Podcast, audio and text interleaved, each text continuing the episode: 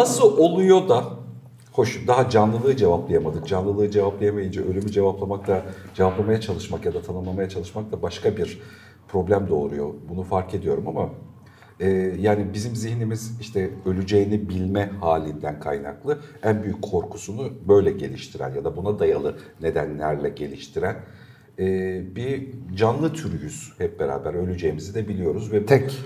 hayatımızın tümüne de yön veriyor aynı zamanda. Yani doğduğumuz andan itibaren ölecek olduğunu bilme hali ya da ölümün dünyada var olduğunu bilme Aslında hali. doğduğumuz andan itibaren değil, bayağı sonra idrak ediyoruz bunu. ha ne zaman Yani sonra şey mesela? 4-5 yaşlarından itibaren yani etrafımızda bir ölüm olduğunda bile çok erken yaşta onu anlayamıyoruz mesela Ama yine kafayla. de bedenimiz bunu sen anlatmıştın yani bedenimiz biliyor aslında. Bi- bi- Bilincimiz bilmiyor olabilir ama bedenimiz refleks verirken ya da bir şey O yaparken bütün hayvanlarda var. Aha. O acıdan kaçınma. Ama ölüm bilinci e, ön beyin gelişimiyle ilgili gibi gözüküyor. Ön beyin de onlu yaşlara doğru gelişmeye başladığı için ha ben de öleceğim fikrinin gerçekten işlemeye başladığı dönem işte belki 7-8 yaşından itibaren ya da 6-7 yaşından itibaren diye düşünülebilir. Ondan önce bir nosyon olarak ölüm var. Yani duyuyorsun, biri ölüyor görüyorsun ya da haberdar oluyorsun. kuşun ölüyor falan yani. Ama ben öleceğim, ben ölümlü bir canlıyım. O bir üst düzey bir algı ve bu daha sonra gelişen bir şey. Ee, insan anksiyetelerinin en önemli kaynağının, yani en önemli kaynağı. Evet, hayatımıza tüm sosyal örüntülerimize de çok belirgince yön veriyormuş Aynen. gibi görünüyor. O yüzden acık tetiklemek gerektiğini düşünüyorum. Sıklıkla soru Bu hali... program bitmez. Ben sana söyleyeyim. Benim sunumlarımda en çok anlattığım şeylerden bir tanesi. Ya sen konuya tuhaf, ya benim gerçekten tuhaf buldum. Pozitif anlamda kullanıyorum bunu. Tuhaf bir derinlikle de bakıyorsun mevzuya. Yani bilimsel anlamda da olmanın da dışında. İnşallah. E, o yüzden senden birazcık dinlemek istiyorum. Vallahi, Nasıl öleceğiz e, biz? Şöyle bizim yaşam okulunda, e, yaşam okulu adı üstünde, yaşamla ilgili bir okul. İlk konu ölümdür. Yani çünkü ölüm olmadan yaşamın anlamını kavrayabilmenin bir yolunu biz bilmiyoruz oradaki ekip olarak. Başta mesela Güneş'in önce ondan bahseder bizim yaşam okulunda. Kurucu kafası odur. Hatta bu akşam buraya gelecekti. Ne oldu bilmiyorum. Be- belki gelir pat diye. Şimdi geliyormuş ortaya. Ne enteresan olur. Şimdi öncelikle şunu düşünelim. Ölmesek ne yaparsan yap ölmüyorsun. O zaman insan kendisini bir tahayyül ederse insan olarak yaptığımız hiçbir şeyi yapamaz hale geliriz. Mesela şu programı çekmeyiz. Ölümsüz olsak okumayız, araştırmayız, keşfetmeyiz. Hayatta kalmakla bile uğraşmayız çünkü hayatta kalma çabası ölüme karşı dirençle oluşan bir şey. Ölmeyelim diye. yapıyoruz. Ölmeyeceksek onu bile yapmayız. Yemeyiz, içmeyiz, hareketsiz kalırız yani. Anlatabiliyor muyum? Şimdi biyolojik olarak iyi özellikler hani uyumlu özellikler seçiliyor öbürleri eleniyor ya. İlk akla gelen soru ölüm niye elenmiyor o zaman? Ya ölüm neden var? Biyolojik alemde bunun bir şey için korunuyor olması lazım. Ölmeyen canlılar var bu arada. Mesela bazı deniz anası türleri bilmem ne ölmüyorlar. Zaten bakteriler ölmüyor sürekli. Yani üzerine basarsan ölüyor da devamlı bölündükleri için onlar hep her bölünmede yeni bir işte genç bir hücre olarak hayata devam ediyorlar. Bazı deniz anaları hareketli formdayken yaşlanıyorlar. Deniz altına tutunup kendi sinir sistemlerini yiyip sonra tekrar genç olarak yollarına devam ediyorlar. Bir daha sinir sistemi yapıp öyle bir özelliği var. İşte o deniz ne o? Deniz fıskiyeleri denen hayvanlar. Hatta onu akademisyenlere örnek verirler. Sabit duruma gelince beynini yediği için. Bizimkiler de belli bir makamdan sonra böyle hiçbir şey yapmadan durabildikleri için. böyle Güzelmiş. bir- Böyle bir hikaye anlatılır onunla ilgili. Yani ölüm şart değil canlılar aleminde ama ileri organizmalar e, hepsi ölüyorlar. İnsandaki fark bunu bilinçli olarak fark etme işi. Dolayısıyla bir kere ölüm fark edildikten sonra halledilmesi gereken bir mesele.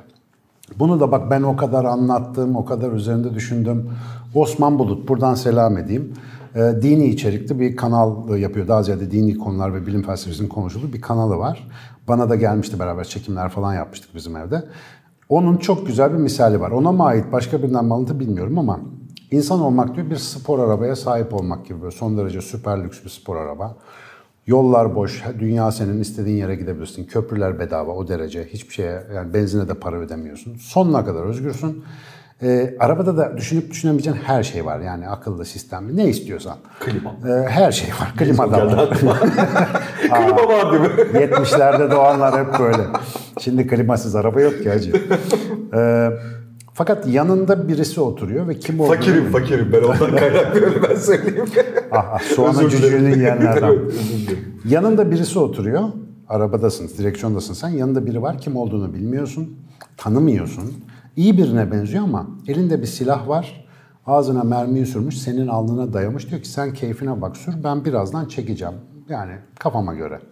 Şimdi böyle bir arabayı sürmekten zevk alabilir misin? Bu arabayı sürebilir misin? İnsanın durumu aynen böyle. Ölüm her an mesela bir dakika içerisinde bizi alıp götürebilir. Hakikaten alnımıza bir tabanca dayalı. Her şey olabilir. Yani ben bunu anlatırken bile hep korkuyorum. Çünkü anlatırken gidersem efsane olacağım. Yani Eyüp tam bölümü anlatıyordu. Küt diye gitti falan. Ee, bu her an olabilecek bir şey. Yani bu ihtimal her zaman var. Bir saat sonrasında kimsenin garantisi yok bir dakika sonrasında. Bunu biliyoruz. İşin garibi bu. Yani bunun bir verili ihtimal olarak konuşulması ayrı. Bunu biliyor olmak başka bir zihin hali. Peki o zaman nasıl yaşayabiliyoruz? Şimdi gerçek araba örneğini düşündüğümüzde o arabayla seyahat edebilmenin ya da o araba için oturabilmenin iki temel yolu var gibi gözüküyor bana. Biri öyle sağlam bir uyuşturucu alacaksın ki yanındakini unutacaksın. Ya öyle bir uyuşturucu ama. Öyle, öyle, öyle, öyle. kafa 1500 olacak. İşte LSD'm artık ne bulursan hani en ağırı neyse. Şimdi bu hayatta bunun karşılığı ne? Günlük hayatımızdaki her şey. Sosyal medyasından eğlencesine. İşte alkol uyuşturucu onlar ma- majör şey yani çok uç versiyonlar. Her günkü hayatımızda yaptığımız, bizi meşgul eden her türlü faaliyet bir uyuşturucu gibi. Ve bu uyuşturucu o ölümü görmeni engellediği için o silahı bir şekilde orada varlığını devam ettirebilirsin, gaza basabilirsin. Arabada da cruise kontrol olduğunu düşün, yoldan çıkmıyor, uyuşturucu aldın ama bir şekilde rayda duruyor. O arabayı götürürsün. İkinci yolu ise şu gibi gözüküyor. Öyle bir yüce amaçla direksiyondasın ki, öyle bir hedefe varmak için gidiyorsun ki ve biliyorsun o arabayı senden sonra birisi alıp devam ettirecek. Bir metre gitsen bile kar biliyorsun. Ne kadar gidersen git o yolculuğun şerefli, kutlu, büyük bir amaca matuf olduğunu falan bilerek gidiyorsun. Böyle bir gazla. Dolayısıyla o silah sıkılmadığı her anı kar bilerek yaşayabiliriz. Bu da benim görebildiğim amaçlı insanların, daha önceki bölümlere gönderme yaparsak dava insanlarının yaşadığı hayat Anlamını yakalamış hayatta. Düzgün. Aynen. Ha. Hayatta gibi bir hikayen varsa yani bir anlamı varsa öyle gidiyorsun. Yoksa bunlar yoksa nihilizm tek çıkar yol gibi gözüküyor. Bunlar hiçbirinin anlamı yok. Her an ölebileceksek niye bir şey yapalım bilmem ne falan gibi. Dolayısıyla insan zihninin anlam ihtiyacı bile ölümden geliyor gibi gözüküyor. Evet. Yani ölüm varsa bir şekilde buna bir anlam vermen gerekiyor. Bu illa dini inanç, bildiğimiz anlamda dini inanç anlamına gelmiyor. Ama zaten din dediğimiz şeyin etimolojisine bakarsak, din teriminin zaten yaşama tarzı, yaşama hikayesinin kapsamı demek din. Dolayısıyla aslında herkesin yaşıyorsa eğer, yaşamı devam ettiriyorsa bir dini var. Bir inancı, bir anlam çerçevesi var, ona göre yaşıyor. Şimdi ölüm temel düzeyde bizim ön beyni olan, ön beyni bu kadar gelişmiş bir canlı olduğumuz için sahip olduğumuz bir bilinç biçimi. Koyunda yok. Mesela nereden biliyorsun? Kurban Bayramı'nda hepsini kesiyor, o bekliyor sırasını falan. Çünkü bir sü- süre sonra kendisinin kesileceğini fark edemiyor. Koyun da yaşıyor. Mesela ölüm bilinci yani olmaması yaşamaya engel bir şey değil. Ölüm bilinci amaçlı bir yaşamı gerekli kılıyor. Bunu vurgulamaya çalışıyorum. Mesela koyun gibi yiyip içip biyolojik ihtiyaçlarını giderip devam edebiliyorsun. Mesela koyun bütün ihtiyacı bitince ne yapıyor? Yedi içti, gevişini de getirdi. Mesela uyuyor ya da duruyor. Ekstra bir faaliyet üretmiyor. Çünkü ölüm bilinci yok. O hep öyle gidecek zannediyor. Ama Anlık insan stresleri, korkuları var. Birisi kovalıyorsa Aynen kaçıyor. ya pat da- diyorsa bir şey oluyor falan bir reaksiyon veriyor yani. Ama insan niye karnı doyunca arıza çıkaran tek canlı diyorum ben sıklıkla. Karnı da doyunca sırtı pek. Ya abi öleceğiz. Mesela yemek yerken bu lezzet bitecek. Bir şey içerken bu lezzet bitecek. Eğlenirken bu eğlence bitecek. Onun hepsinin biteceğini biliyor. Ölümlü bir zihin de zevk bile acıya sebep oluyor. Yani Düşünsene mesela işte maşukunla böyle en en güzel anını yaşarken çoğu insan kederleniyor. Lan bu bitecek. Ya bu ölecek işte ölecek ya ölürse mesela. Hep içimizde böyle bir korku var. Ya giderse beni tak Bu gerilim aşkların meşklerin kaynağı. Ömür boyu sürmüş aşklar falan filan güzel gözüküyor ama okuduğumuz bütün hikayeler yarım kalmış aşklarla ilgili. Ölümü dinliyoruz. O aşkın ölümünü dinliyoruz. Bir şeyin kesilmesini dinliyoruz. Yani bir şeyin sonunun olması onu bizim için çok manidar yapıyor. Bir şey gibi bu. Lanet gibi gözükse de insanı insan yapan, o spor arabayı spor araba yapan şey aslında o silah. O, o olayı nasıl diyeyim yaşamaya değer kılan şey o ölüm fikri gibi gözüküyor bana. Ee, en azından böyle görmeyi seviyorum. Benim de hikayem bu galiba. Yani bu şekilde anlam vermezsen olay garip. Ha bu arada biyolojide niye ölüm var onu söylemeyi unuttum. Ee, oradan girmiştim. Ee, ama dediğim gibi bu program bitmez dediğim oydu. Çok şey çağrıştırıyor. Biyolojik organizmaların da ölümsüz olduğunu düşün. Seçildiler ve hepsi ölümsüzler. Bugünkü kadar organizma olsun yeryüzünde. Bir organizma sürekli olarak hayatta kalırsa kendi içerisinde özelliklerini genetik yapısı gereği çok fazla değiştiremeyeceği için ortam şartlarının değişikliklerine adapte olması çok kısıtlı kalacak. Ve marjinal bir değişiklik olduğunda o canlılar ortadan kalkacak ve sonuçta canlılık fikri ortadan kalkacak.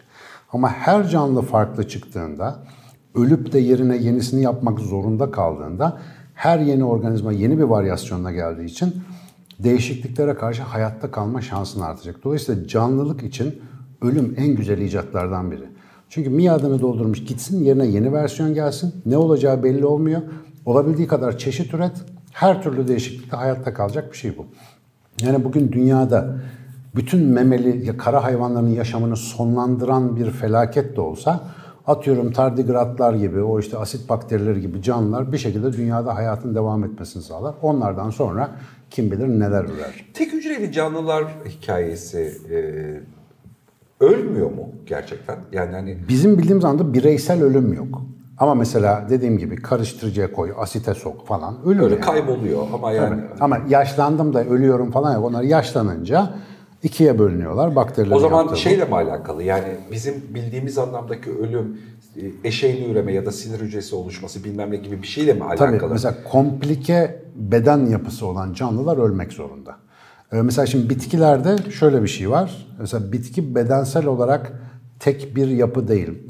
Bizim yani hayvanlarla bitkiler arasındaki en önemli fark şu. Bitkilerin vücudu modüler, koparılıp götürüldüğünde ürüyorlar ondan. Bizim kolumuzu kopardığında öyle olmuyor. Biz başka bir yönde, onlar başka bir yönde evrimleşmiş canlılık e, nasıl diyelim mantıkları. Dolayısıyla onun bedensel ölümü diye bir şeyden bahsedemiyorsun ama bir parçasını bir yere dikiyorsun o tam çimlenemiyor ölüyor mesela okey ama o canlının bir başka parçası o canlıyı devam ettirmeye devam ediyor. Düşük cümle oldu ama idare. tamam hadi. Ama ben bir beden olarak bu bedenden üreme işlevi dışında başka bir şey üretemiyorum. Dolayısıyla benim bedenen ölmem gerekiyor. Fakat benim üreme fonksiyonu sonucunda ürettiğim diğer varyasyonlarım, yavrularım yani gelecek nesillerim benim canlılığımı devam ettiriyorlar. Dolayısıyla bitkilerle hayvan bedenleri arasında, bitki bedenle hayvan bedenleri arasında temel fark bu. Ama sonuçta herkes bir şekilde ölüyor. Fakat önemli olan fikir devam ediyor. Canlılık dediğimiz şey devam ediyor. Ben açıkçası başta kendimde bunu fark ettim. Tekil insan yaşamlarının aşırı önemsendiği kanaatindeyim. Özellikle Şimdi bugün- onunla alakalı bir iç kaşıncı soru soracaktım zaten e, şeyde. Çünkü ölümle alakalı şöyle bir şey oluyor. Yani bir bireyin üzerine çok yüksek oranda bir bilgi birikebiliyor. Yaşadığımız dünya buna müsait. E, Ve hani bilginin de ötesinde anlam da birikebiliyor. Yani bir şeyi anlamış olma olgunluğu seviyesi de birikebiliyor. Ve bu ne yazık ki hala kısıtlı bir iletişim formasyonunda bize kalıyor. İşte bakınız daha evvelden konuştuk zihnimiz vesaire iletişimle alakalı konulardan bir tanesi. Yani aslında adamda bin birimlik bir veri birikiyor dünyayı anlama, gelişme açısından. Biz onun 10 ya da 20 birimiyle anlayabiliyoruz yazdığı kitaplardan ya da söylediği sözlerden. Geri kalanı ölüyor ve gidiyor. Aynen. Adamın kişisel anlamdaki yaşadıkları. Biz Bu bunu bizi- niye bir bilgisayara yüklemeyelim sürekli şey hayır, olmasın. yani evrim evrim konusuyla bakıyorum. Evrim bunu yani evrim ya oradaki bilgiyi hiç ciddiye almıyor. Onun evrim açısından hiçbir önemi yok. Yani bir- bireysel olarak oradaki birikmiş bilginin ya da evrim bir konuyu ya da, da bize ziyan ediyor. Ee, şöyle söyleyeyim. Bence ziyan ediyor, böyle Bir insanın ölümüyle bir insanın ölümüyle heder olacak bilgi biyolojik olarak çok önemli bir bilgi değildir. Ee, bunun altını çizmek isterim. Ben o yüzden hayatımda uğraştığım şeyleri genellikle ölümümle atlatabileceğim konular olmasına dikkat ediyorum. Yani öldükten sonra da önemli olabilecek konularla uğraşmaya dikkat ediyorum. Mesela Ha bu güzel bir sanat böyle bir şeydir. olabilir gerçekten. Sanat böyledir. Senin ömrünle sınırlı değildir. Sen öldüğünde eserin kalır. Eserinin yankısı kalır. Mesela şimdi İlber Ortaylı'yı düşün. Allah uzun ömür versin. O adamın kafasında kim bilir neler var. Yani ağzından çıkandan belli oluyor. İçeride büyük bir müktesebat var. Ama o da bir ölümlü. Neticede Emre Hakkı olacak ve gidecek. İsterse bin tane kitap yazsın. Mesela Isaac Asimov 400 küsür tane kitap yazmış bir adam. Dünyanın en verimli yazarlarından biri. Muhtemelen zihninin binde biri düşmedi o sayfalara. Evet. Nasıl bir hayal gücü var? O da güzel. Ki İlber Hoca'nın kitap yazmayı sevmediğini biliyorum. Zorla yazdırıyorlar adama yani bir şekilde editoryal çalışmalar falan filanla kitap yazıyor. Kim bilir içeride daha neler var ama ölecek ve o bit, bit, bilgi kayboluyor gibi gözüküyor. Peki o bilgi gerçekten İlber Ortaylı'nın o muhteşem bilgisi kalabilseydi bize bir faydası mı ol- olur muydu? Olmazdı. Neden? İlber Ortaylı'nın biriktirdiği bilgi ona kadar gelen ve onun ömür süreci içerisinde biriktirilebilen, birleştirilebilen bilgi versiyonlarından ibaret. Ondan sonra yeni bir dünya devam ediyor olacak. Dünya sürekli yenilenerek devam ediyor olacak. Mesela Cemil Meriç'in bir sözü vardır. Birçok insan sadece hafızası iyi olduğu için orijinal düşünür olamaz der. Çünkü neyi nereden okuduğunu hatırlar. Onları birleştirip karıştırıp da böyle sahte düşünceler ya da yeni meyveler üretemez zihninde. Hep böyle dağınık anekdotlar Ha, o şeklinde zaman kalır. gerçekten pardon acık aydım galiba konuya. Bir miktarda e, şeyin etkisi var. Senin gözünde zaten bir şey oluyor. Ben oradan daha söylemeden şöyle bak şöyle şöyle bir şey oluyor. Böyle u, u bir kısa şey, selektör yapar. Yok yok o değil. Böyle bir kısılıyor kesiyor. Aa falan böyle bir Aa, heyecan geliyor. gerçekten bir aydınlanma hafif bir ışık geldi. Ben o zaman doğru bir şey söylediğimi anlıyorum mesela. Şeyde çünkü yani evet biriktirilmiş bir bilgi geçmişten gelen bilgileri bir yumakla geliyor ama yeni bir bilginin daha üretilmesi ve eklenmesi de lazım. Geçmişten gelenin tümünü devamlı taşıyor olsak yeni bilgi üretmeye ya da yeni gelişebilecek yepyeni sıfırdan bir şey eklenmesine fırsat tanımayız biz. Bir şey ziyan olacak oraya yeni bir şey de eklenecek. Bugüne ait, şimdiye ait. İlber Ortaylı'nın İlber Ortaylı tabi burada şey olarak veriyorum. Çok ikonik örnek evet, olarak. evet. Bütün saygı zihinsel haritasını bir süper bilgisayara aktardık. İlber Ortaylı'nın bildiği her şey orada. Ve bu bilgisayar bize ne sorsak İlber Ortaylı'nın cevap vereceği şekilde hatta zaman içerisinde öğrenerek de ondan daha iyi cevap veriyor. Ne olurdu bir düşün. Bin sene sonra bu bilgisayar Hazreti İlber Ortaylı bilgisayar ve biz ona tapmaya başlardık. Onun bilgilerini dokunulmaz addederdik. Bir şey yapardık. Yıllarca bilgi- Aristo öyle oldu ya. Ha işte. işte evet. Yani mesela işte Mevlana'nın söylediği o yüzden neden evrensel? Dün geçti cancağızım bugün yeni şeyler söylemek lazım. Hakikaten söylenecek her şey söylenmiştir. Bakılacak her Şu şey yeri lafı bakılmıştır da. gelince ezbere bildiğin bir şey söyleyebiliyorsun ya. Yemin ederim hem çok gıcık oluyor hem de çok imreniyorum konuya. Ama buna DJ beyni diyorlar işte böyle. ya gerçekten Anekdot takdir ediyorum gerçekten. Çalışacağım bu konu üzerine bu arada. Abi çok anlatınca oluyor otomatik yani illa. Ya ben de çok konuşuyorum. Yani Ama yok yok daha benim kadar çenen düşük değil senin daha daha olsun o.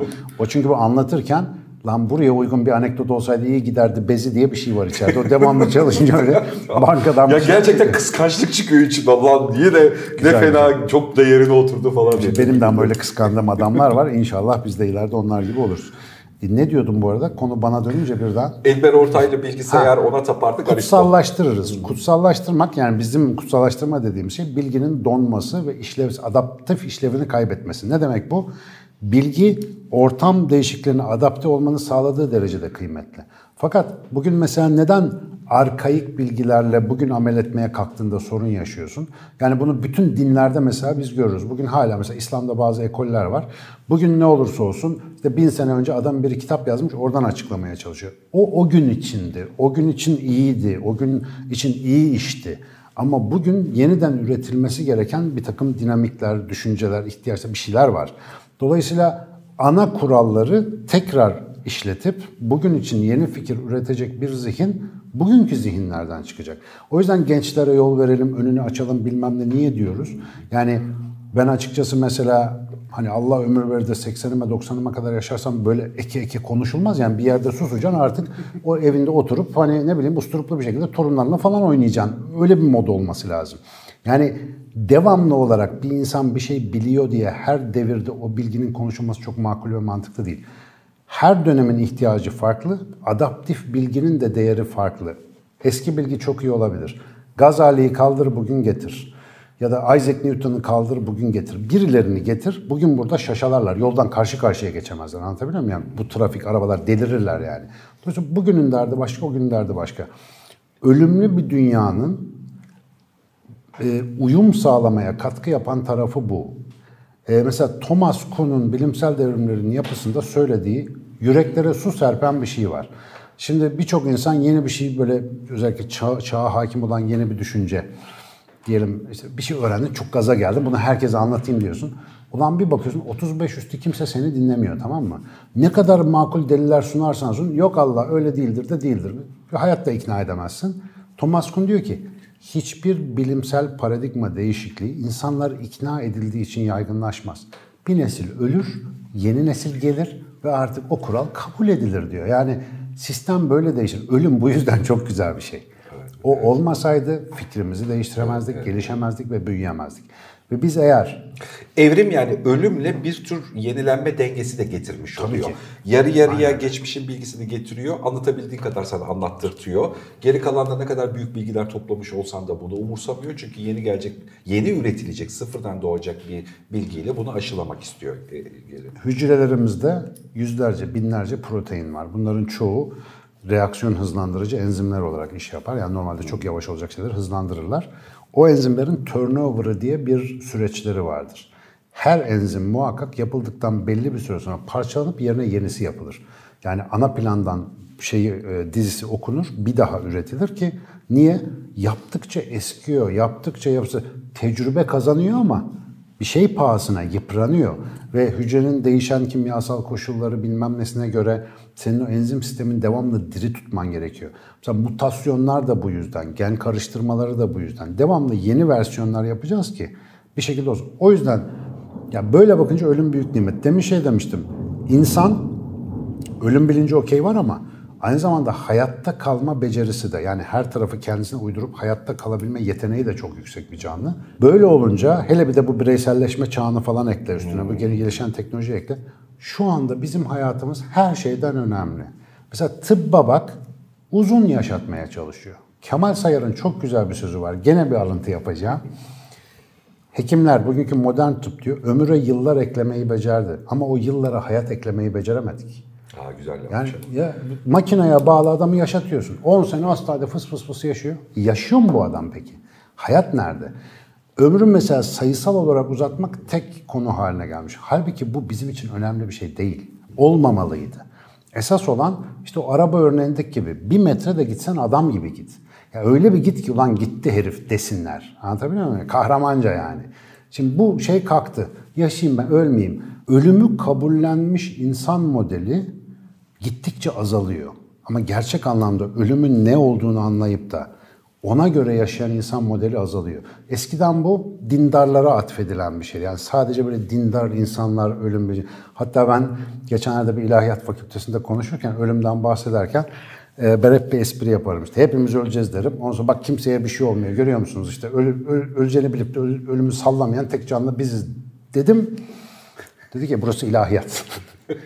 E dedim nasıl ya ilahiyatçılar yani yırtıyor mu bu işten? Bir şekilde bir muaflık mı var? Yani bir sınava Ama bir torpil durumu var konuda. Yani öyle bir algı var mesela. Bizim böyle bir zannımız var. Ölümle yüz yüze gelince anlaşılıyor bazı şeyler. Mesela hiç ölüm tehlikesi atlattın mı? Çok ciddi. Ölümden döndün mü hiç? ya böyle Ya çok böyle bir anlık bir kaza şey. atlatmayı kastetmiyorum ama yani böyle çok mesela düşen uçağın içinde bulunmak Yok falan yok gibi. öyle bir şey olmadı. Ya Mesela çoğumuz bir şey. öyle bir şey geçmiyor ama öyle bir şey geçiren insanları dinliyorsun. Allah korusun hiçbiriniz arkadaşlar inşallah öyle bir şey olmasın ama yaşam dönüştürücü bir tecrübe. Mesela TED'de falan en çok temalardan biri bu. Bunu bu arada çok e, fark ettiğim şeylerden bir tanesidir. Yani herkes e, şey diye geyini yaparım kendi işime dostuma da yani. 35'inde birilerinin öldüğü ve içinden sadece senin canlı çıktığın bir trafik kazası herkese lazım diye. Hayatı tekrar anlama lan neredeyiz, ne oluyoruzu fark etmeyle alakalı. Düşen uçakta ateist kalmaz boş bir laf değil.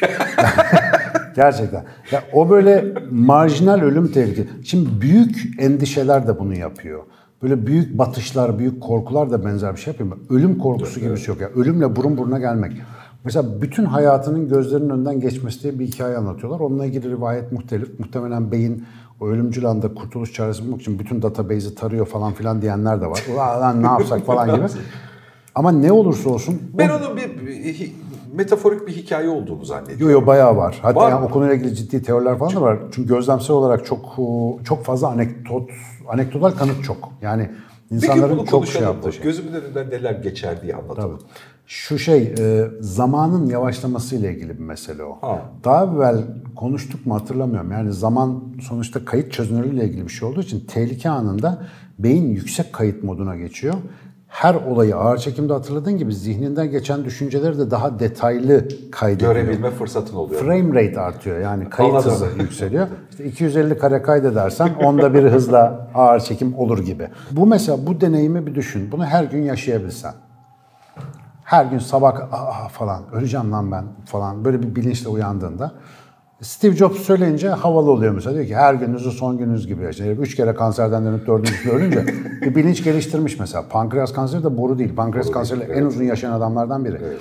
Ama o konuşmaları o adama yaptıran şey işte ölümle yüz yüze gelme, ölümün nefesini hissetme dediğimiz şey. Çok zor. Mesela İslam peygamberinin bu konuda bir öğüdü var. Ölmeden önce ölünüz diye. Ee, Güzel. Ben küçüklüğümden beri görüyorum ama nasıl bir şey olduğunu yeni yeni kavramaya başlıyor gibi olmanın eşiğinde duruyor gibi hissetmenin başlangıç noktasında belki. Bu konuyla alakalı hiç yani. kimsenin cesur bir lafı edebileceğini zannetmiyorum. Yok canım. En yakın sen söyledin yani. Tabii Gerçekten yani o kadar. nerede canım? Mümkün Yani değil. Hiç öyle Ama çok zor bir tecrübe. değil yani öyle bir şey karşısında. Ve düşün yani ölüm gözünün önünde şöyle bir bilinç varsayalım. Yani böyle bir şey hayal edilmez ama ölüm orada buz gibi her an olabilir ve her anını ölebileceğin bilinciyle yaşıyorsun. Abi nasıl HD hayat olur biliyor musun? Bildiğin vallahi full full screen böyle acayip renkler canlı, her tat süper, mindfulness dibinde, farkındalık zirvede. Acayip bir şey yaşarsın yani. Ama bizim sorunumuz ne?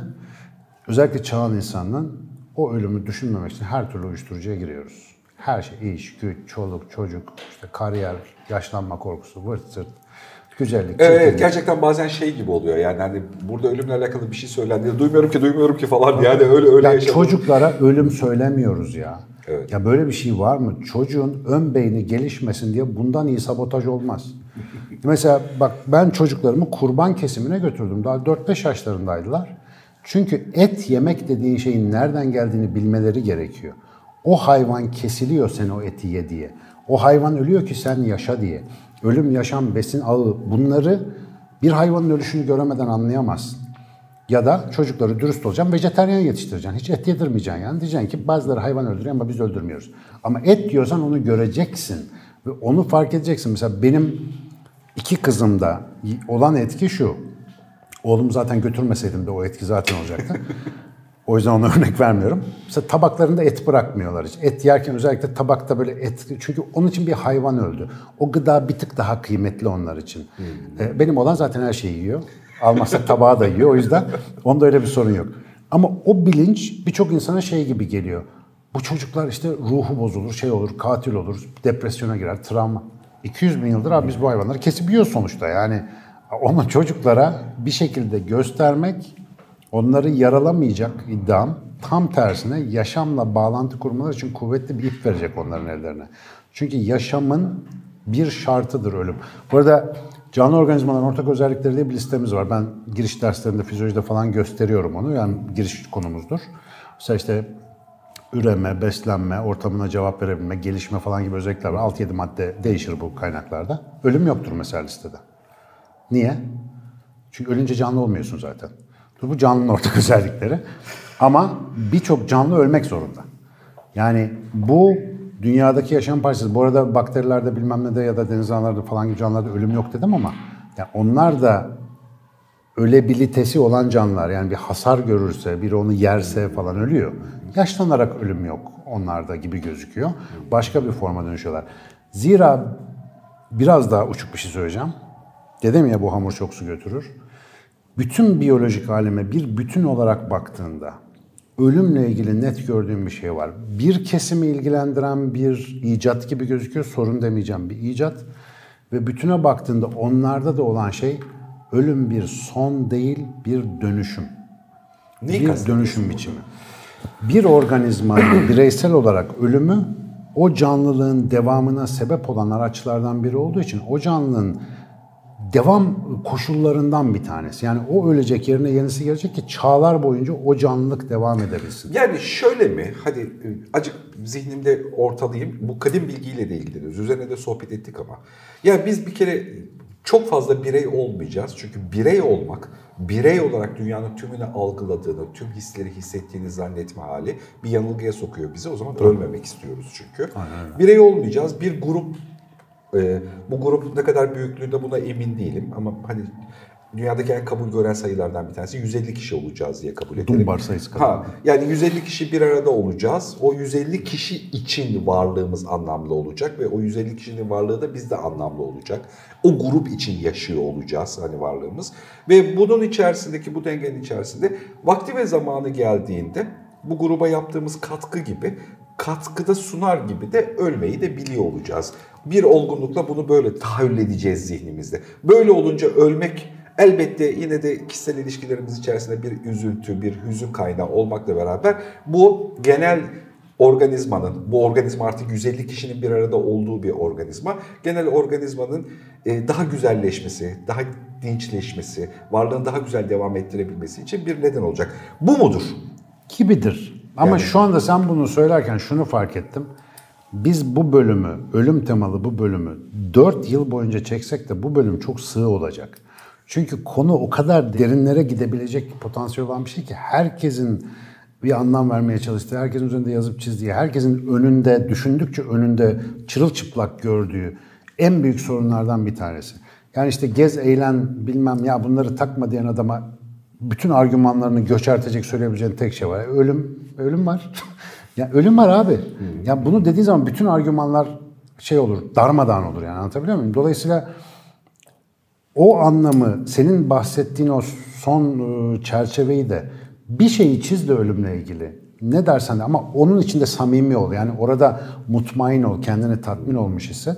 Mesela Yo yani buradaki en büyük aksaklığı şeyde bulduğum için söyledim. Ne olur lafını unutma. Yo, aynen. Ee, birey olarak kendi yani illa böyle narsist özellikler falan göstermek zorunda değiliz ama biz birey olarak dünyayı anlıyorum ve dünyayla ilgili gücüm, bağım yüksek dediğim andan itibaren e, ölmek büyük bir eziyet artık. Ya benim zihnimde kocaman bir dünya var. Yani bir evrende bende var gerçekten ve yani bunun kaybını istemiyorum. Gerek kişisel zevklerim için istemiyorum. Gerek dünyaya olan faydası için istemiyorum. Bu da aslında bir kişisel de yani bir şeyin içerisinde. Ama bunu buradan alıp da 150 kişinin parçası haline getirdiğinde o grup için yaşadığını kabul ettiğinde hani biçimlendirdiğinde o zaman daha anlamlıymış gibi geliyor. Yani tabii ki. oradaki çocukların daha hızlı yürüyebilmesi, daha güzel yaşayabilmesi, işte onlara daha büyük bir alan oluşturabilme falan işte ölüm olmasa okur muyduk, yazar mıydık, sanat yapar mıydık, bir şey üretir miydik? Yani dediğin gibi ben gideceğim, ey işte Üremek için nesiller. falan belki. Niye üreyesin? Ya ölüm Ha, olmasa evet. niye üreyesin? Zaten kalabalık olacak ortak. Senin malına mülkün orada. Ölemiyorsun ki abi. Ya sürekli yiyeceksin yani neticede. Ya bir bir garip zaten hayal edemediğimiz bir şey olurdu ama hiçbir şey üretmezdik. Şu anda mesela üretmenin temel nedenlerinden biri bu. Öbürü de bir başka insanın olması. Yani bir başka insan olmasa da bir şey üretmezdik. Ölüm de olmasa bir şey üretmezdik. Ya ölüm bizim zihnimizi tamamen ya en dıştan şekillendiren, sınırlandırıyor gibi gözükse de aslında açan, ona bir şeyler yapma imkanı veren bir fikir. Ve işte kişisel hayat abartılıyor derken söylediğim şey şu. Benim kendimce bir ölçüm var. Ee, ya bu benim kendi içsel ölçüm. Bir başkasına dayatabileceğim bir şey değil. Mesela ben ölürsem de bu dünyaya yazık olur. Yani yani ne süperim ben oluştuğu zaman bir hastalık başlamış demektir. Yani böyle bir düşünce uyanırsa aklına ya da "La bu düşünce abi benim aklıma geldi. Bak yani ben bunu bütün insanlara duyurmalıyım. Bu duyurmadan ölürsem bak hani yazık olur insanlığa gibi hastalıklı bir yere girdiysen bir problem var demektir. Bence ölüm şuna da güzel bir turna sual soruyor ama benim için sadece. Ya şu anda yaşıyorum ya bir şeyler konuşuyoruz, yapıyoruz ya. Ben gittikten sonra da devam edebilecek bir şey bu. Yani bu zaten şu anda var olan bir şey. Hani ömrüm olursa ben seslendireceğim. Ben seslendirince de ha buna ancak şükredebilirim ya. Anlatabiliyor muyum? Ne güzel. Bana, Bana nasip oldu Bana nasip böyle. oldu derim falan derim. Ama benimle kaym işte tanrıcılık oynamak gibi bir şey ve tak diye bir boyun damarının tıkanmasına bakar yani. Anlatabiliyor muyum her şey? Ve tamamen perde kapanır o zaman. Bu gerçek değil çünkü. Sen öleceksin. Her öleceğiz arkadaşlar. Yani bu kadar. Herkes ölecek. Bunu sen de. Kral Sami Kral Sami de ölecek. Hepsi ölecek. Ve bunu masaya koyup da ona şöyle alıcı gözle bakmadan ne yaparsan yap bu hayat seni kesmeyecek. Karnı doyunca arıza çıkaran tek canlının en büyük derdi ölümdür. Bütün arıza çıkarmasının sebebi odur. Onunla halleşmeden bu iş olmaz. Ölümü öldüremezsin. Ömrü ne kadar uzatırsan ucunda ölüm vardır. İstersen 500 sene yaşa gene ömür kısadır. Çünkü yani kozmosun içerisinde 500 sene hiçbir şeydir. İnsan aklının ihata edebildiği, alabildiği mekan, zaman ölçekleri içerisinde evrenin yaşı bile hiçbir şeydir. Yani bir de bunu söyleyeyim. İnsan aklı çünkü sonsuzu ihata edebilecek kadar büyük. Dolayısıyla onu halletmeden bu hayatın adam olması mümkün değil. Bütün inançlar, bütün anlatılar neyi söylüyor bize? Ölüm son değil, bu hayat tek değil, bunun bir anlamı var. Büyüsel inançlar döneminde bir şeylerle insanları tatmin etmişiz. Şimdi akıl çağı, bilim çağı bilmem ne. Burada insanlar başka bir açıklama arıyor. Ama emin olun insanın derdi tek. Yani tek. Burada dönüşüm derken sadece inançların getirdiği bir dönüşüm, yani başka bir dünya olduğuna dair dönüşmenin dışında da aslında dönüşümü kabul ediyoruz. Ben sadece bu dünyaya bakarak söylüyorum. Ha, Yani ha, bu okey. dünyaya Yani, bak. evet. Hayat zaten bir akış. Bireyler onun taşıyıcıları. Hep verdiğim örnek Evrim var. dönüşüyor yani kendi Tabii tabii. içinde aslında. Bak evet. verdiğim örnek hep belki daha önce konuşmamızda da vermişimdir ama tekrarında fayda var. Suda ilerleyen dalga çok güzel bir örnektir. Dalga bir yöne doğru gider ama suyun üstünde duran bir bardak yukarı aşağı hareket eder dalga geçerken. Çünkü dalga bir enerjidir. Suyu araç olarak kullanır. Su sadece yükselip alçalarak dalgayı bir sonraki su grubuna aktarır, su molekülü grubuna. Dalga enerjisi yoluna devam eder. O ise yerinde sadece titreşmektedir. Dolayısıyla ortam ve enerji arasındaki ilişki gibi, canlılık enerji gibi. Şu maddi ortamı kullanıyor. Buradan geçiyor. Ve bunun doğal bir sonucu olarak da ister bir dini kaynaktan beslen ister düşünceyle ulaş. Çünkü Descartes buna saf akılla ulaşanlardan biridir. Bu bilinç bedenden sonra devam etmek zorundadır. Çünkü o bilinç hali maddi yapıdan doğrudan neşet edebilme yolunu bilmediğimiz bir şeydir. Eğer maddi yapıyla direkt ilişkisini göremiyorsak bunun maddeyi harekete geçiren, ona şekil veren bir şey olduğunu kabul etmek daha makul gelir. Ve dolayısıyla bu madde geçtikten sonra bu bilinç devam eder sonucuna doğal olarak varırsın. Ama yarın bir gün maddenin yan bir özelliği diye bilinci tarif edersen bu sıkıntı da kalkar. Öldük bir film kopacak dersin o da geçer gider. Ama şu anda daha makuldür bilincin devam etmesi. Çünkü bilinç maddeden üretebildiğimiz bir şey değil. Nasıl çıktığını bilmiyoruz. Ya illa böyle tanrısal manrısal bir şey olmasına gerek yok. Belki bizim adına madde dediğimiz boyutun üstünde başka bir boyutsal etkileşimdir. Ve bu boyutta ilişkin kesildiğinde başka bir şeyle devam ediyor olabilir. Birçok ezoterik öğretide zaten bunun üzerine durur. İşte ölüm böyle tuhaf şeylerle uğraşmana sebep oluyor. Eğer yeterince dalarsan. Çok düşünme kafayı yersin dedikleri kısım da doğru. Eğitimsiz, araçsız ve fenersiz olarak o ormanda bacağını kırarsın. O yüzden ya bilgi, ya görgü, ya deneyim, ya kadim bilgi, deneyim o bir şey cebinde olacak. Tek başına halledebileceğimiz mesele değil. Şöyle desem belki işini kolaylaştırır. Bilerek değil de e, anlayarak, olgunlaşarak ulaşılabilecek bir şey gibi. Teknik Ağzın olarak- bal yesin. Evet. Ha, bilmek yanlış oldu. Evet. Yaşayarak olacak bir şey bu. Yani ölümü yaşamak lazım. Ölerek değil. Yani, ne kadar zormuş da anlatmak. Yani sisteme bakarak, ölüm nasıl bir işlev görüyor, anlayarak, onu kucaklayarak, embrace, İngilizce diyorlar ya yani onu bir alacaksın böyle, bir hazmedeceksin. Ondan Bir de mecburi bir kucaklayış bu. Yani bir kaçarı yok. Buradaki kaçma ile ilgili yaptığımız faaliyetlerin tümü çok karizmasız yani. Hani hani kendimizi gerdirelim falan ya da işte uzun yaşama için şu. E, bu arada güzel yaşamayla alakalı çabaların tümü çok anlamlı. Hani kaliteli yaşamayla alakalı. Ama böyle daha uzun yaşayımla alakalı çaba şey görüyor. Aciz bir çabaymış gibi, karizmasız bir davranış gibi de gözüküyor gerçekten. Mecbur kucaklayacağız. Yani Vallahi seve seve. gelmeden hemhal olmak iyidir gibi geliyor. Ben bu arada yapmış gibi söylemeyeyim. Üzerinde hala çalışıyorum. Yani şu anda ciddi bir ölümle burun buruna gelme durumunda ne yapacağımı bilmiyorum. Yani daha henüz o konuda çok ciddi tez. Bir iki tane ufak böyle yakın deneyim oldu gibi oldu ama çok o kadar ciddi değillerdi ki bugün burada konuşuyorum yani. Adrenalin sempatim var. Hani bu konu belki bu beni birazcık daha Abi hiç adrenaline yok. Hiç o yani biraz daha diri tutabilir beni falan yani. yani e, yani bilmiyorum. bir hani bir tık böyle bir Orada bir büyük şey- konuşmamakta fayda var. Yani Yok hiçbir hiçbir konu yani hiç öyle artistlik yok yani. Sonra Ama yani bence güzel bir şey. her halükarda paçadan akacak belli yani. Evet işte düşen uçakta ateist kalmaz abi. Bütün olay ondan ibaret. Diyorsun. Süremiz bitti mi ne oldu? Süreyi çoktan geçtik gibi geliyor. Vallahi mı? Kaç dakikadır konuşuyoruz? Üç gün oldu hocam. Ne diyorsun?